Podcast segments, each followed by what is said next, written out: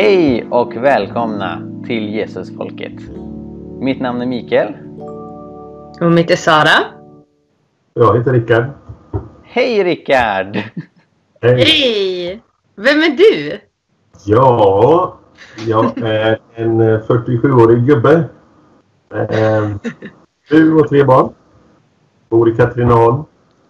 Eh, uppvuxen både Blekinge, Småland och eh, har också ja, Östergötland och har bott en stund i Norge, åtta år. Okej, och du är ehm, ledare för Gå ut vision. Är det så? Ja. Som, eh, vill du berätta lite kort om organisationen? Vad gör ni? Vilka är ni? Det ska sägas att jag var föreståndare tills förra året och har nu överlåtit föreståndarskapet till en, en man som heter Jonas Andersson. Eh, jag och Mission har funnits 17 år och det är en missionsorganisation. Eh, så det är alltså inte en församling eller kyrka. Men vi brukar försöka tänka på den här lilla bilden att vi vill vara församlingens förlängda arm ut i mission. På samma sätt som då svenska församlingar liksom genom oss kan nå ut till missionsfält i världen så skulle vi inte göra det om inte det också sträcktes en arm från församlingar ute på de här missionsfälten för att ta emot vår hjälp och för att önska vår hjälp. Så Mm. att eh, vårt missionsarbete är väldigt mycket uppbyggt kring detta att det kommer en förfrågan, en kallelse ifrån eh, tredje världen, om man får använda det gamla uttrycket. Eh, att man önskar hjälp med evangelisation. Eh, kommer ju ofta frågor om nödhjälp och sjukvård och utbildning och allt det. Det har inte Gud kallat oss till. Vi, vi läser inte det eh, i missionsbefallningen. Vi läser att vi ska ge evangelium och träna människor att bli lärjungar. Det, det försöker vi hålla på med. Även om det andra är jättesnällt och behövs för att folk ska överleva så ska inte vi göra det. Går på.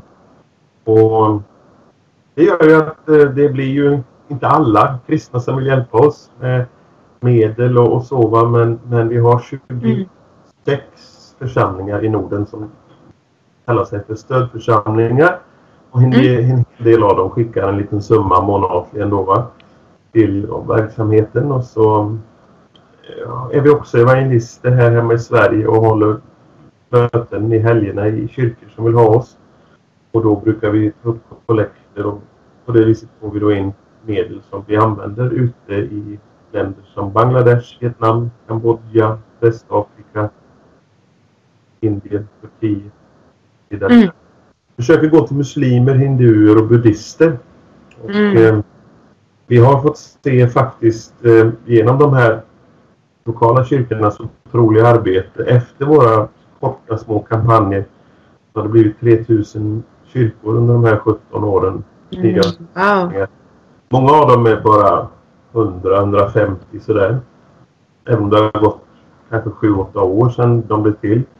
Men några stycken har blivit stora församlingar. Speciellt i Bangladesh har några bara som har blivit landets största församlingar. Helt Mm. Nu är inte det något vi strävar efter stora församlingar, snarare tvärtom. Mm. Eh, Det är små kampanjer och önskar små församlingar där folk får sitta nära Jesus. Mm. Wow, Mm. Wow. jätteinspirerande. Och du som jag har förstått det har ju varit missionär sedan ung ålder Rickard. Du stack ju iväg till Albanien efter att din lärare hade prisat det landet för sin ateism, var det inte så? Jo, det var faktiskt på det som då hette SO, samhällsorienterande ämnen. Som min lärare som inte var troende ville få oss att bli överlyckliga över att det fanns ett land där man inte hade någon religion och därför så mådde alla bra. Det bara reste sig i, i klass 8C, reste sig med en otrolig känsla av att det kan inte vara sant. Det är jobbigt när man är 14 att vuxna ljuger. Men jag såg på honom att det var inte, han var itutad detta. Då blir det ännu värre. Vem har lurat? Min lärare tyckte om honom. eh, och det är en konstig övertygelse. Jag visste att någon hade lurats. Och jag hade inte varit i Danmark ens så att jag visste ju ingenting om Albanien eller någonting om kommunism eller något sånt alls. Bara totalt övertygad. Det är fejk. Och så började prata om det i församlingen, eh, mina föräldrar och eh, det blev ju 50 personer som hade ögonen öppna Albanien. Så här. Det var ett otroligt förtroende som jag inte än idag vet vad det bottnar i. Att man kände att, ja, ska han till Albanien? 14 år. Då är det bäst vi hjälper honom. Eh, och när jag då blev 16 eh, år så var det en eh, faktiskt albansk som kom upp till Linköping och hade en föreläsning på Stadsbiblioteket. Hon talade perfekt svenska för hon sände radio till Sverige varje tisdag förmiddag. Mm. Långt som ingen har hört någonsin tror jag i Sverige. Hela sitt liv har hon ägnat åt det.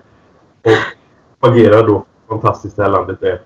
Men hon kom ju och såg väldigt ledsen ut när hon stod och redogjorde för att det inte finns någon arbetslöshet och att alla har det bra så här. Jag frågade henne efteråt. Jag var med på den här föreläsningen då om jag skulle komma. Bara, jag, inte, jag, hade, jag hade inte hört att man inte kan få åka till länder och sådär alltid. Eh, och det hade varit stängt i 50 år. Jag hade ju inget visum, eller visste inte vad visum var och sådär. Jag ska försöka ordna det här, sa hon. Var det så att Gud gav dig albanska när du hade kommit till Albanien? Ja, jag har ingen annan bra förklaring. Jag hade en palör där det stod hund, katt, fotboll, pojke, flicka och sådär. Eh, men jag visste ju inte att jag skulle uttala det här och det är också bokstäver som är lite annorlunda med lite turkiska krokar och prickar och grejer och så här som inte vi har. Så att det var ju en utopi att sitta för sig själv hemma och titta i den då. Men eh, det var andra eller tredje dygnet i Albanien på en guidad resa jag fick runt om i landet så vaknade jag på morgonen och tänkte albanska ord. Jag trodde inte det var albanska ord och jag tänkte bara att det är inte sunt att vakna i ett sånt här varmt land på morgonen. Så jag trodde jag blev tokig först men, men jag kände ju nästan, det var som en röst viskade de här Eh, olika orden när jag tittade på saker. Så jag hade liksom som en levande lexikon som höll på i över två dygn. Och, och pluggade in allt i huvudet otroligt. Och jag har ju låga betyg i allt. Det är ju ett under. Den som ingenting är utväljer Gud. Så gick jag då över eh, i, i, hotellet där i, över, i korridoren och pratade med han som bodde mitt emot som var från Albanien. Och då, då bara chansade jag så här och tänkte hur säger man? Förstår du mig? För jag började misstänka att jag har börjat prata albanska. Då sa jag Amekoptoni och det betyder ju förstår du mig. När jag säger det, då kände jag mig väldigt trygg på att nu sa jag förstår du mig. Men när jag skulle säga var det en chansning. Ungefär som, som att handla i tro alltså. När han svarar då på, som inte alls liknar jag, så vet jag att han säger ja. Och så säger han men hur kan du tala vår nordalbanska dialekt? Eh, det har ju aldrig någon i modern historia varit. Och, så att eh, det har hänt flera gånger när jag åker i Albanien att eh, folk, äldre människor, de hör mig prata och sådär och de är från storstan och säger flytta på dig, här ska jag sitta. Jag är bondläpp från landet och tror att jag är alban. Det är wow! Bra. Då blir jag stolt. Det, det är ju ett fantastiskt gudsbevis. Och, och vilken hjälp för en missionär. Ja, alltså det här är ju det som jag då skulle kalla för ett tecken. Om någon blir botad från sjukdom så är det ett under, men det här är ett tecken. Det, så tänkte jag kanske inte från början. Men det är verkligen ett tecken för albanerna fortfarande idag. Jag träffar en alban på restaurang i Sverige eller på en simhall eller i en taxi eh, och råkar höra att han pratar eller ser den karaktäristiska näsan och förstår att de är albaner. Alltså de, de, de bleknar ju och nästan tappar fattningen. Det, det är ett sånt oerhört radikalt tecken. Och det är även för unga människor som inte har bott i Albanien men som har vuxit upp i Sverige. Här nyligen på eh, studentfesten så hade min dotter med sig en kompis från skolan som då är hennes pappa var bara fyra år när hans pappa lyckades fly ut ur landet. Men hon har ju hört från farfar lite hur man pratar albanska och så säger hon pratar ju bättre än farfar. och så är hon bara helt tagen och så går man rätt över att alltså, Gud lärde mig det här för han älskar det. Då säger de att ja det måste ju vara så. Mm. Det är fantastiskt. Um, du intervjuades nyligen i tidningen Dagen um, om uh, mirakler eh, och Andens gåvor. Och där så gav du flera andra exempel på eh, övernaturliga saker som du sett. Eh, och något som, som väckte min nyfikenhet, jag har ju skrivit en bok som heter Jesus var också flykting. Om varför kristna ska hjälpa flyktingar. Eh, och du sa att ni hade delat ut eh, soppa till flyktingar i Kosovo. Men medan det var hundratals flyktingar, eller eh, åtminstone över hundra, så eh, var det inte lika mycket soppa. Vill du berätta om det matundret? Ja, när jag arrangerar församlingsläger här i Sverige så, så orkar jag inte räkna ut hur mycket soppa det går åt till 30 svenskar eller 60 svenskar. Men man kan ju bara erinra sig när du har 300 framför dig. Det är svårt att uppskatta mängden och Eh, det spöregnade, det var sent på kvällen. De var så fruktansvärt uthungrade. Det var 94, 95 det här. Så att eh, serberna hade kört sin... Eh, vi vet ju inte vad de gjorde. Det är ju fortfarande inte utrett om det var en masslakt av kosovoalbaner. De sattes på tåg och fraktades iväg. Och mest äldre och kvinnor sprang ju då mot albanska gränsen. Och av någon orsak så höll albanerna eh, soldater då, sitt eget folk undan från eh, Albanien. Det förvånade mig. Men vi kunde gå fram och tillbaka då och där stod de ju då i tre dygn och satt med sina barn och bara skrek släpp in oss, släpp in oss. Och eh, då valde kristna kyrkorna i Tirana speciellt att åka upp med bönsoppa och stora kärl och lagade och kokade bönor i kanske en vecka. Och en kväll var jag med där då för jag hade en kort resa på besök då i Albanien det spöregnade och så stod jag min kollega, den första som blev kristen i Albanien i modern tid som jag fick bli med, han heter Paulin. Han är märke Paulus, har startat många församlingar. Så sa jag till honom, jag har nog bara tre liter kvar nu och jag såg åtminstone 30 kvinnor. Alltså de tog soppan i kjolarna, de tog soppan i tidningar, de tog soppan i händerna och hällde i sina små barns munnar. Det var förskräckligt. De var helt utmärglade. Eh, Eh, jag har bara tre, tre liter kvar i min hink, sa jag. Och, och, och, och, finns det mer? Nej, det är slut, säger han då. Men Rickard, titta inte ner i hinken. Titta upp på Jesus. Vad menar du, sa jag då. Supersvensk, jag vet ju vad jag menar, men jag vill ju inte säga ja till en, någonting så groteskt att brödundret ska ske igen och jag är involverad i det. Eh, hör du inte vad jag säger? Han skrek han otroende till mig. eh, titta inte ner i hinken. Det var det enda jag gjorde hela tiden. Hur ska det gå? Och, och, så såg jag alla människorna och då slutade jag titta ner i hinken. Och det var liksom en handling av att överlåta sig till Jesus. Gör ditt under. Det hade säkert skett även om jag tittat ner. Men det var ju verkligen ödmjukt att inte jag ska förstå det här nu och rätta ut hur det går till. Utan bara stå sleva upp och sleva upp och upp i en halvtimme. Tills det inte var någon kvar. Så tittade jag ner och det var lika mycket kvar hit. Ja. Det är ju liksom wow. svårt för folk att förhålla sig till det här. Så jag har inte pratat jättemycket om det. Men på bibelskolor tar jag upp det. Mm. För att säga en sansad miljö. Därför att eh, det är inte för att promotera sig själv. Och jag tror det går in där. Utan där är man fokuserad på, kan saker hända i vår tid som hände på Jesu tid? Jag har väldigt stor fascination för saker som sker när Gud väljer att göra det och vi inte ens har knappt bett om det. Men han bara... Men det är egentligen så det gick till på Apostlarnas gärningar. När det här stora tältet eller skynket sänkte sig ner framför Petrus eller Paulus mötte Jesus. Och där det var inte planerat av någon av dem. De liksom stod inte bara och prisade här för att du ska visa det för mig. Gud gör det där för att han ville nå ett folk. Och, ja, det, man blir inte stor efteråt. Man blir väldigt liten. Man är liksom i närheten av honom. Och därför så har jag inte pratat så mycket om det här. Det, det som gör det eh, extra bibliskt, tycker jag. Det är att det är ett mirakel som hjälper flyktingar. Det är ett mirakel som hjälper dem i nöd. Eh, det, det, är helt fantastiskt. Eh, jag skulle vilja höra något till vittnesbörd och låta dig ge lite frihet. Du har varit ute i Bangladesh, du har varit ute i Guinea och andra eh, ställen eh, med Gå ut mission. Eh, och det finns väldigt mycket att, läsa kan jag tipsa lyssnarna om. Eh, på Gå ut missions hemsida och så vidare och ni skickar ut nyhetsbrev med rapporter från vad som händer på era kampanjmöten. det är blinda som ser, det är döva som hör, det är lama som går. Eh, och ja, du har varit med om mycket, men är det, är det något från eh, någon sån kampanj du skulle vilja dela med dig om? Ett, ett helande som eh, eh, har satt sig i minnet på dig? Ja, eh, det, det, det, är ju... Man är ju helt fascinerad när man kommer hem och sen går åren och händer nya saker. Och David hade så rätt när han sa min själ glöm inte vad gott han har gjort. han insåg det.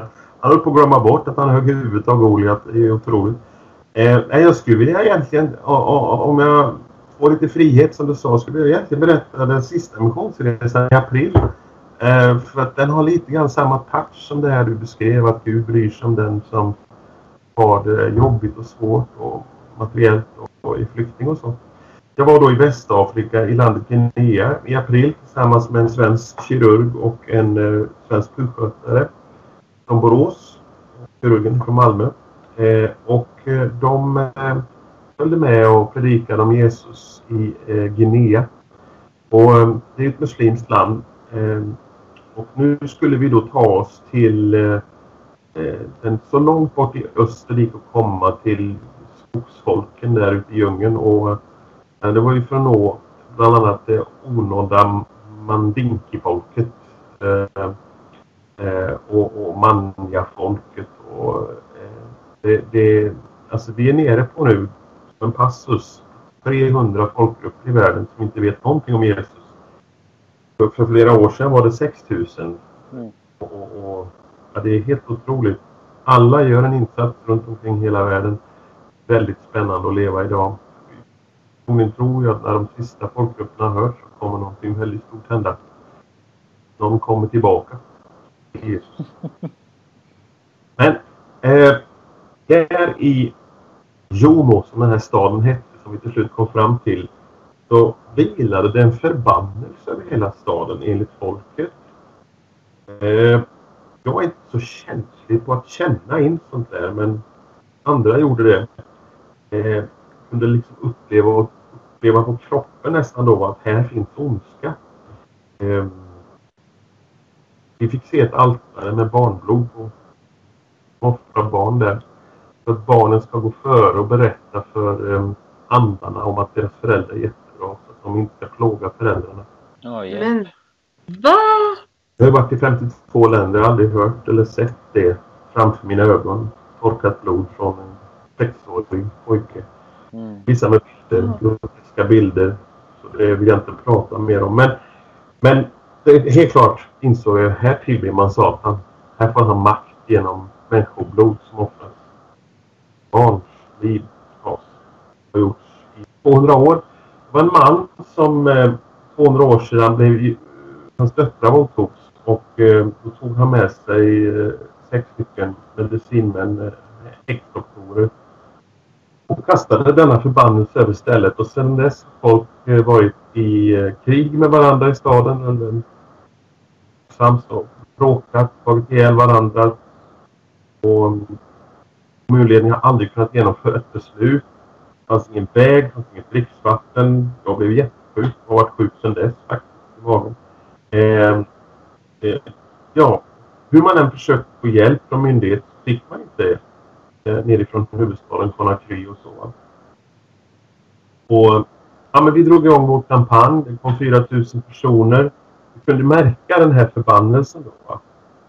Mitt under predikan så vänder de och går hem aldrig varit med om. Jag vet inte vad de såg eller vad som skrämde eller vad som hände. Att de blev så se.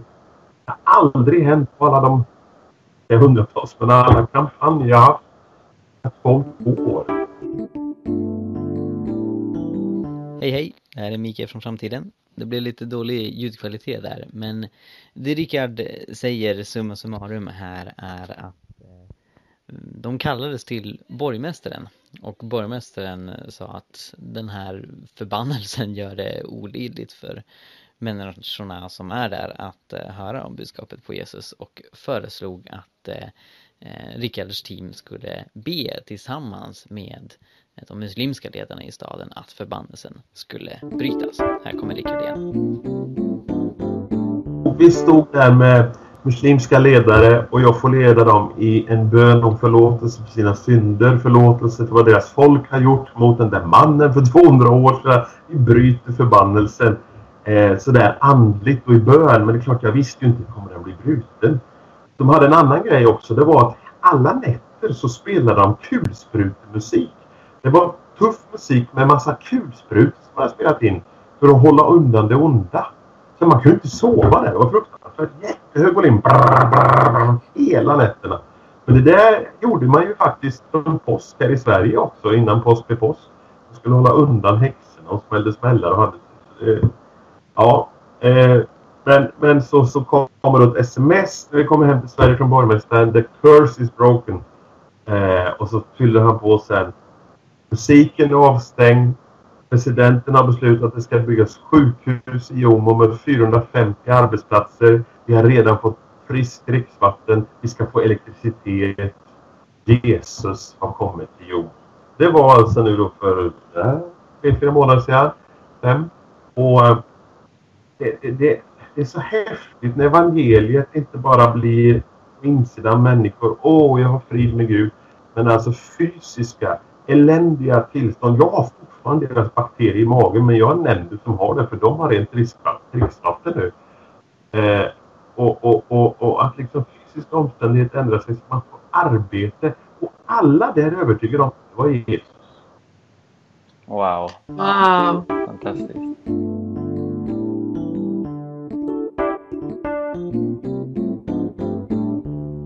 Jag eh, har... Eh, jag var ute med en organisation som heter Testa Mission. Inte Gå ut mission utan Testa Mission. Eh, och var i Thailand i ett år. Eh, och när jag åkte ut dit eh, så innan dess här, men jag hade verkligen en tanke på att jag ska bli missionär och det har jag fortfarande. men, men så här, jag minns att jag tänkte jag hade så, såna förväntningar på såna här, alltså att jag skulle få vara med om så häftiga saker. Att bara, ja men där, där borta, där händer det grejer. Där, eh, men så här, jag hade hört talas om att så här, men i norra Thailand där är det väckelse och där är det så här, ja, att det verkligen, man ser blinda få syn och eh, lama gå och allt möjligt. Eh, så jag var så här, jag, jag var jättepeppad på att se sånt. Men eh, sen när jag kom dit så... Eh, alltså vi, vi jobbade i synnerhet med socialt arbete i en, i en församling. Eh, och Ja, alltså det, blir, det är klart att det beror på så lite vad, vad för typ av mission man sysslar med. Alltså, om det är så här, predika evangeliet mission eller om det är socialt arbete mission. Ehm, men men eh, när jag kom dit så insåg jag ju ganska snabbt att, att jag hade en otroligt romantiserad bild av vad mission innebar. Att säga typ, ah, men tre frälst om dagen åtminstone, typ. eh, och, men så var det ju verkligen inte. Eh, utan det var, det blev verkligen alltså grå vardag där också. Eh, men sen så nu när jag ser tillbaka så Gud gjorde ju jättemycket under det året också men snarare så här lite processliknande och att han så, mm. blev verkligen använda men, men, inte alls på det sätt som jag förväntade mig. Eh, och jag tänkte på det att att eh, ja, men just den här romantiserade bilden av mission som man får för att ofta är det ju bara de här segerhistorierna man får höra eh, när människor har varit ute på missionsfältet. Eh, hur, hur ser du på det? Ja, eh, jag har flera saker jag skulle vilja nämna. Men det blir ju mer ett reflekterande. Det är ju mm. det är inget bombastiskt, så är det. Men eh, för det första, bad du för människor som var blinda? Eh, nej, inte blinda, nej. nej. Därför fick de ingen syn. eh, och när man är ett år på ett ställe så är man involverad i någonting annat än när man är på korttidsmission en vecka där kyrkorna har förberett sig i fem, sex, sju år i bön för just denna vecka. Wow. Alltså det är sånt maxtryck ifrån den heliga Ande under de här dagarna så att jag, Mm. jag tror vi bara tar ut en bråkdel av vad vi kan göra under en sån satsning. Men jag får ju alltid när jag går till säng så är jag färdig och bjuder upp massa saker en sån dag. Massa visioner och tankar om för mitt, min, mitt arbete i Sverige, församlingsplanteringar i Sverige, predikningar, eh, min familj, jag får råd, jag får... Det, det är sånt tryck alltså. För att de lokala kristna har varit i bön för det här så länge. Mm. Så har vi då förebedjarna i Sverige. Mission heter på grekiska apostolé. Och Det skulle egentligen om vi skulle översätta det till svenska bli sänd. Eller utsänd. Mm. En utsändning. Så det är alltså medvetet val från Kristi kropp att göra skillnad på ett ställe. Eh, och när man då som ungdom, många ungdomar, eh, reser med program och resa, då är det inte alltid den kopplingen blir så tydlig. För Mm. nej, men vi har våra sommarpengar, jobbat in pengar och sen så, det ska bli kul att vara i Thailand nu. Säger jag inte att det var så för dig, men alltså det kan bli en svag utsändning i det hela och då Mm. försvinner mycket av tecken under. Mm. Eh, det som jag också vill säga om Thailand är att du valde fel land om du ville se mycket under och tecken. Eh, I den buddhistiska regionen sker det under. Men vi har inte ens börjat röra vid folkhavet som lider under buddhismen. De är 380 Absolut. miljoner och, Mm. och Thailand är då världens minst nådda land eh, eh, i förhållande till att det är 65 miljoner. Eh, och, och vi har då skickat sex team förra året till Thailand. Vi har skickat 12 team eh, i år Thailand. Vi Mm. kommer skicka 24 team nästa år till Thailand. Yes. Eh, och det är ju ingen av dem som har så mycket att berätta när de kommer hem för att det är eh, steniga, den värsta småländska åken. Det är oplöjd terräng. Det är, det är stentufft. Det är ett skönt, vackert, fint folk men eh, de är kuvade av furstar och av den gamla kungen som har dött. Och de är kuvade. Och det buddhistiska systemet framförallt där de sjunger du vet väl om att du är ingenting, att du är inte viktig, får inte bli Exakt. någonting. För du ska försvinna och upplösas. För ingen annan vill ha dig här. Den borde gå i moll den sången. Så jag sjunger ju du vet väl om att du är värdefull så högt jag kan när jag är där. De Mm. helt chockade. Men tänk ett helt folk som bara vill upplösas och så kommer du säga ni ska leva för evigt. Ah! Då får vi panik. Totalt emot deras eh, mål. Och det har de hört sedan de var tre år. De Exakt. växer utan mamma och pappa. För mamma och pappa måste jobba nere i- i Bangkok och mamma och pappas äktenskap spricker där nere. Och hamnar i sexindustri och allt möjligt. Och, och, och, och, Mm. och har de som är utifrån landet då.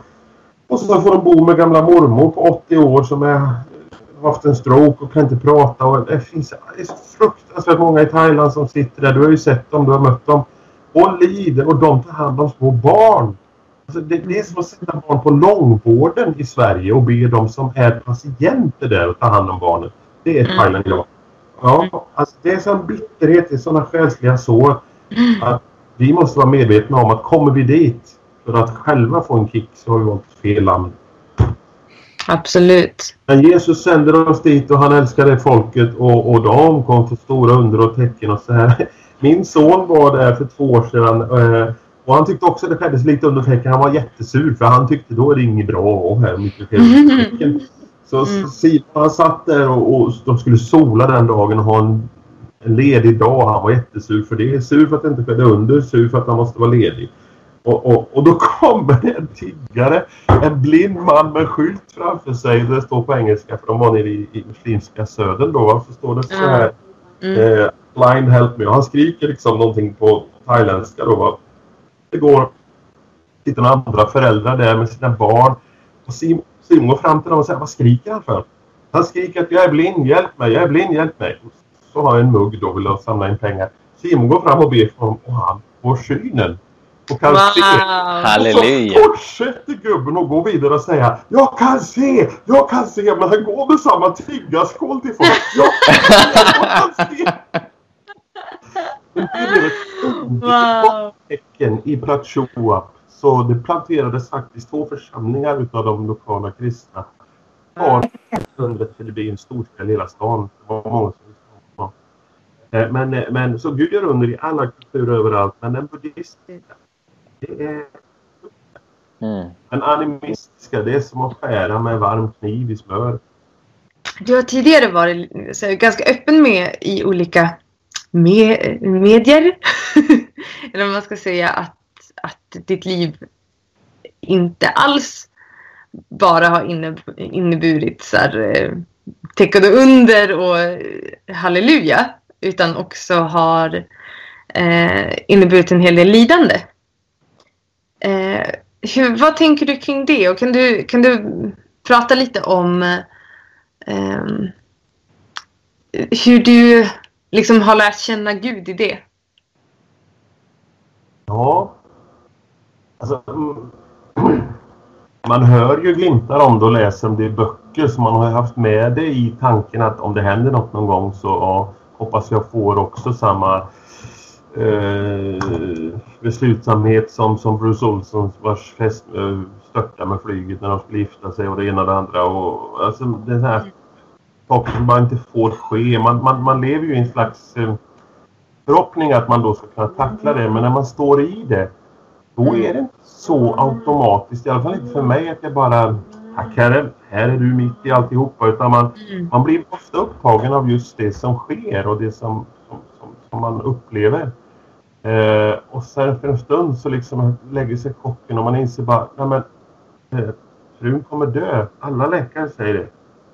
Då liksom, Gud! Då kastar man sig i desperation på honom. Eller när jag själv eh, fick en kraftig utbrändhet i 420 dagar och liksom Mm. jag såg att för första gången kom ett tanke smygande. Om jag tar livet av mig, då kommer mina barn och min fru få mycket bättre. Därför att jag är bara en plåga för allihopa nu och jag kommer ju aldrig bli, kommer aldrig bli glad igen. Så, så det är att jag skriver ett fint brev och tar farväl. Och, ehm, jag är ju en av de mest livsglada som finns på jorden. Många som blir arg på mig för jag är så glad. Men, men då, då, då helt plötsligt sitter jag och tänker självmordstankar Mm. det, det, det var också inte bara att jag liksom, jag, jag, jag säger det här för jag tror det kan vara till hjälp att för mig så var det inte bara, bara att jag började tala i tungor och säga Herre nu får du tronsköld och nu får de sluta med utan när man blir hamnar i trauma som slår väldigt hårt in i själen då är det inte alltid lätt att hitta hur man ska navigera. Det är ju tro, hopp och kärlek. Ta bort hoppet, då blir du hopplös. Och, och, och det kan jag känna att det har varit så ibland. De inte framstår som någon hjälte men, men, men eh, vi har varit igenom en förfärlig sjukdomstid fem år då. Bortsett från det att vi också har, haft- har sjukdom i, i bland våra barn. Och, och ehm, den sista perioden har kantats av Guds ingripande på ett liksom lite segt, diffust sätt. Mm. Men, men liksom, det har också varit läkarvård och varit medicin och 34 operationer av min hustru. Mm. När allting liksom har gått seger så får hon cancer, leukemi här i april. Mm. Och, och, och, och det, mm, det är ju det är liksom, man sitter bara där och, och får då ett vakuum nästan och en tystnad i sig. Men gud, det funkar ju inte som jag hade tänkt. Du skulle ju ordna allt. Det är Mm. det jag säger om dig och, och, och har tyckt att du har gjort. Att, att, att när det blir jobbigt och svårt, då ordnar du det. Det här har ju med många parametrar att göra. Alltså, jag är snart 50 och jag inser ju inte att en dag ska jag dö av en sjukdom. Om det så bara är hjärtat som är trött. Eh, men samtidigt så har jag jobbat mycket med att be för sjuka och sett otroliga under ske. Eh, Och då vill man på något vis att eh, man ska bara kunna trycka på knappen och så blir det bra och så får Gud äran och så kan man vittna om det. Men istället så väljer han då ibland att man går igenom ett lidande som man aldrig trodde fanns. Och, och, och enda grejen i det lidandet men som blir så otroligt och det är svårt att sätta ord på det, det är att han finns med. Mm. Tror Glädjen blir kanske på ett annat sätt. Eh, men friden försvinner inte. harmonin, otäcka besked från läkare och prognoser, den försvinner inte. Detta har alltså även mina barn fått uppleva när, när min frus hjärta stannade, när en operation gick fel. Säger Simon till mig eh, att pappa, jag satt där och tänkte nu dör mamma alltså, men om man till himlen var bra för mamma att få vara där. Liksom, den här enorma grejen. De är så svåra att förklara för folk som bara skakar på huvudet och säger de är crazy liksom. För de har bara det här livet att hålla fast i. Och det här livet är ju bara en fjutt. Mm. Det är en pissimissi jämfört med evigheten, strålglansen, härligheten, allt det som väntar på oss där uppe. Om man jämför det med lidandet då bara får man nästan lite det vore det. Och sen mm. är då möjligheten att få göra så mycket för Herren. Och han får göra saker i våra liv också. När vi lever på den här sidan. Eh, det var väl lite lösa tankar omkring det hela. Mm, ja, ja, man präglas ju av det så, så jag har svårt att och, och kanske säga att jag, jag blir så mycket frimodig i min tro men, men jag, jag är så tacksam för tron. Jag kan förstå att kristna som har suttit 20 år i fängelse kommer ut och är som monster alltså i tron. För att för att det har prövats och kvar finns bara guld och silver. Allt andra brann upp. Man har knappt ord att använda. Man, man, man har bara haft Herren då i fängelse. Mm. Eh, så, så jag, jag måste säga det att det är, det, det är vackert att få betjäna människor utifrån detta nu då att jag har, jag har ett liv som är nu kantat med en hel del skröplighet och svaghet men, men Gud står där och ger mig så mycket hopp om... Alltså jag tror ju fortfarande också att min hustru ska bli frisk. Mm. Kör en podd per år så ska ni få se på grejer. Det är inget jag bara... Jag har faktiskt en liten... Jag har en liten glädje över den tanken. Och det är ju kroniskt leukemi. Hon ska inte kunna bli frisk från det. Men, men... Eh, min upplevelse av eh, svensk kristenhet Eh, är att vi generellt i, i kyrkan är men, lite dåliga på att hantera lidande. Mm. Att vi, att vi liksom så här, att om man säger som det är när någon frågar bara ah, Hej Sara, hur är det idag? Och man bara, nej det är ganska dåligt faktiskt. Mm. Så blir folk typ ah, Lycka till! Och så går de därifrån. Typ. Eller vad de nu säger. Um, men att vi är otroligt dåliga på att hantera lidande och att vi nästan saknar ett språk för det. Um, och ja, men lidande och psykisk ohälsa, alltså som ja, men utbrändhet och sånt som fler och fler går igenom. Mm. Eh, och depressioner och funktionshinder. Mm. Allting som inte är ja, så här, tipptopp. Typ. Mm. eh, hur tänker du kring det? Hur kan kyrkan i Sverige bli bättre på att hantera det? Eller ja, på att acceptera att det finns fler sidor av livet än det glada? Min dotter har varit igenom oerhört psykisk ohälsa i två år och eh, vi får prata om det för hon vill inte att det ska vara stigmatiserat och tabu eh, smart tjej. Och hon säger som du att det är lite svårt och, och, och reaktionen blir så flat i kyrkan.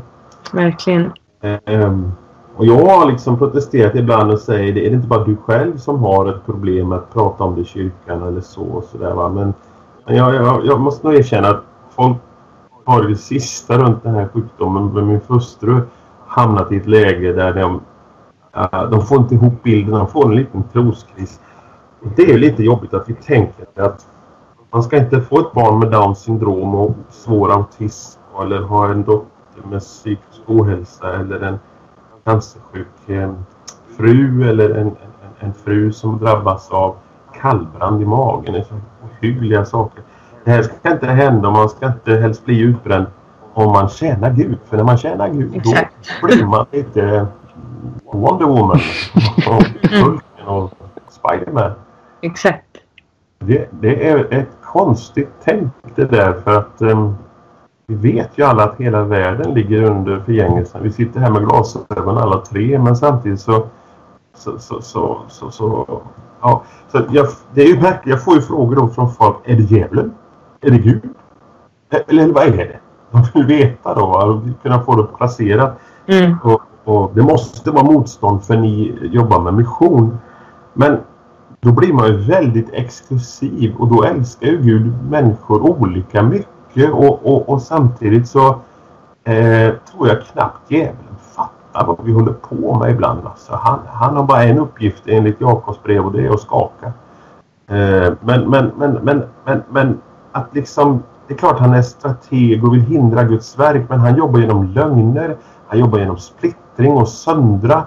Och det har jag sett nyligen hur Satan kan förstöra kristna gemenskapen något helt otroligt med att sända in fruktan och så här va. Och säkert kan han sända sjukdom, jag vet trollkarlar så han kan få till det men men alltså då är ju då är ju ingenting av det här om Guds beskydd det vi har tänkt och sådär och då blir vi osäkra. Och djävulen blir stor och får massa konstiga... Och hur är det då med majoriteten av världens befolkning som dör i cancer och som inte är troende? Liksom? Uh, vad är det? det? det? blir så många konstiga frågor omkring det här. Uh, och jag fick ett här tilltal från en profet som jag har förtroende för som inte visste om vilken situation vi stod i här i midsommar.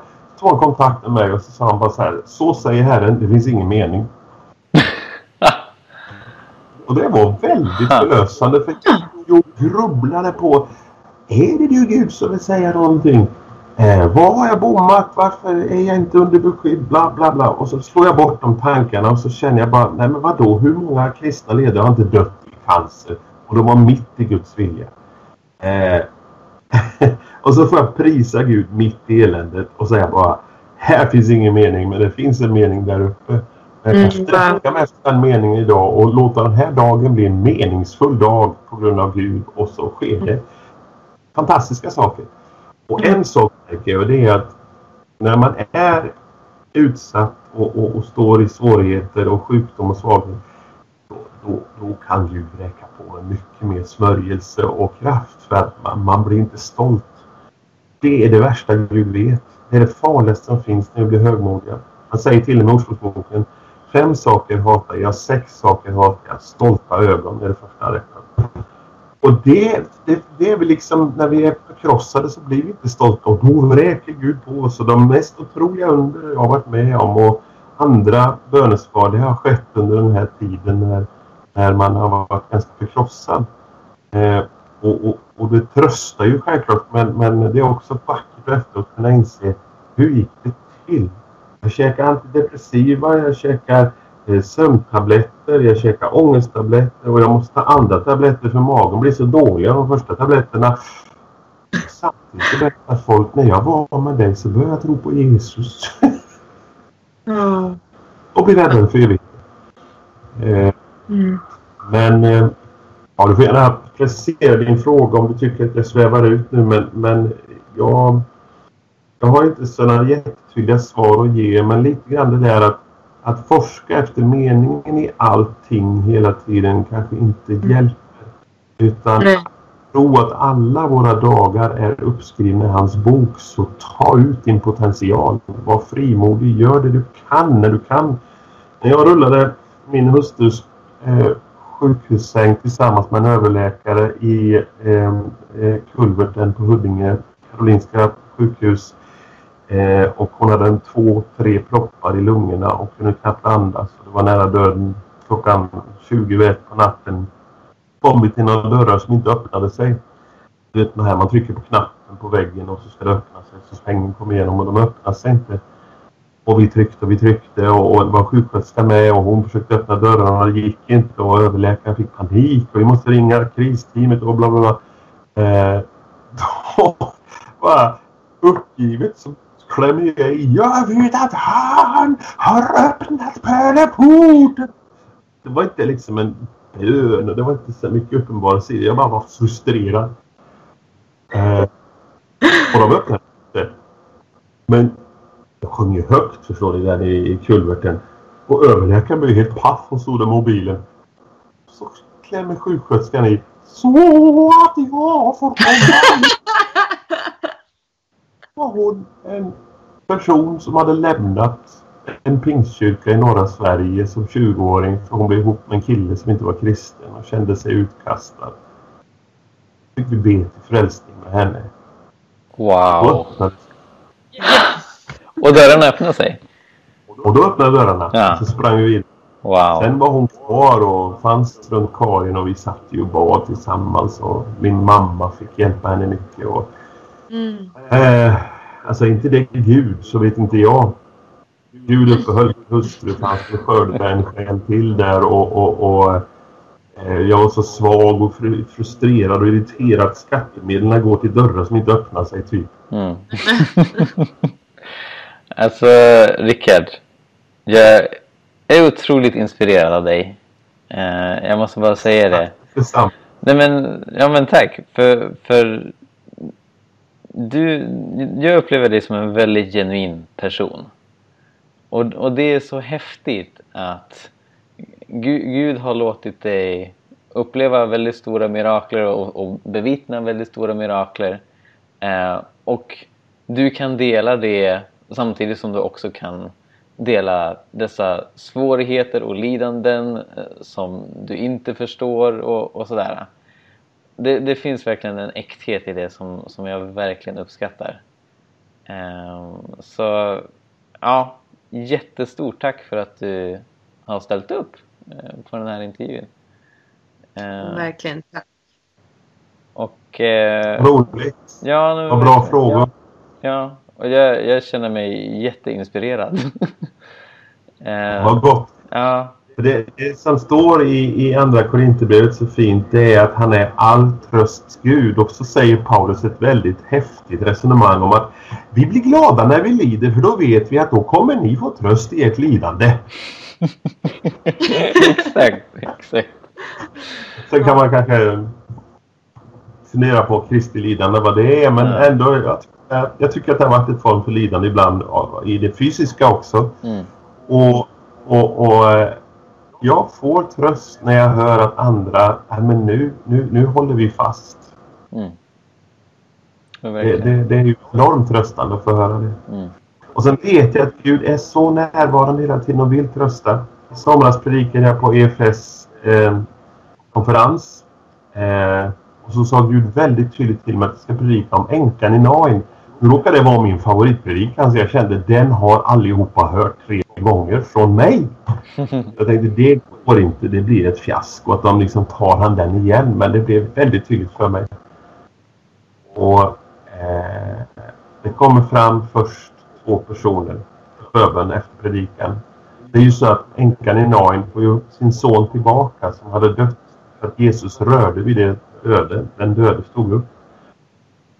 Och så kommer då två personer. Den ena säger till mig min tjänst dog så här många år sedan. Trodde Jesus kan röra vid det. Den personen ska med och hålla pastorseminarium med mig här. Mm. Ehm, den andra personen som kom fram berättade jag blev änka för tre veckor sedan. Mm. Gud har talat till mig att det finns en fortsättning. Alltså så mycket bryr sig, jag tror det var 500 personer där. Så mycket bryr sig Gud om enskilda. Mm. Mm. Det finns hopp. Verkligen, verkligen. verkligen. Ja, Rickard, stort tack eh, för att du har varit med oss. Eh, alla lyssnare och tittare vill vi peppa att eh, gå till Gå ut missions hemsida. Läs mer, stötta, be. För det, det sker väldigt mycket spännande med den organisationen. Ni har en, en pionjärkurs, den drar väl igång ganska snart. Eh, mm. Där man får utbilda sig i mission och åka ut. Och det finns mycket annat smått och gott där. Eh, mm. Rickard, Gud välsigne dig. Jättestort tack för att du har varit med.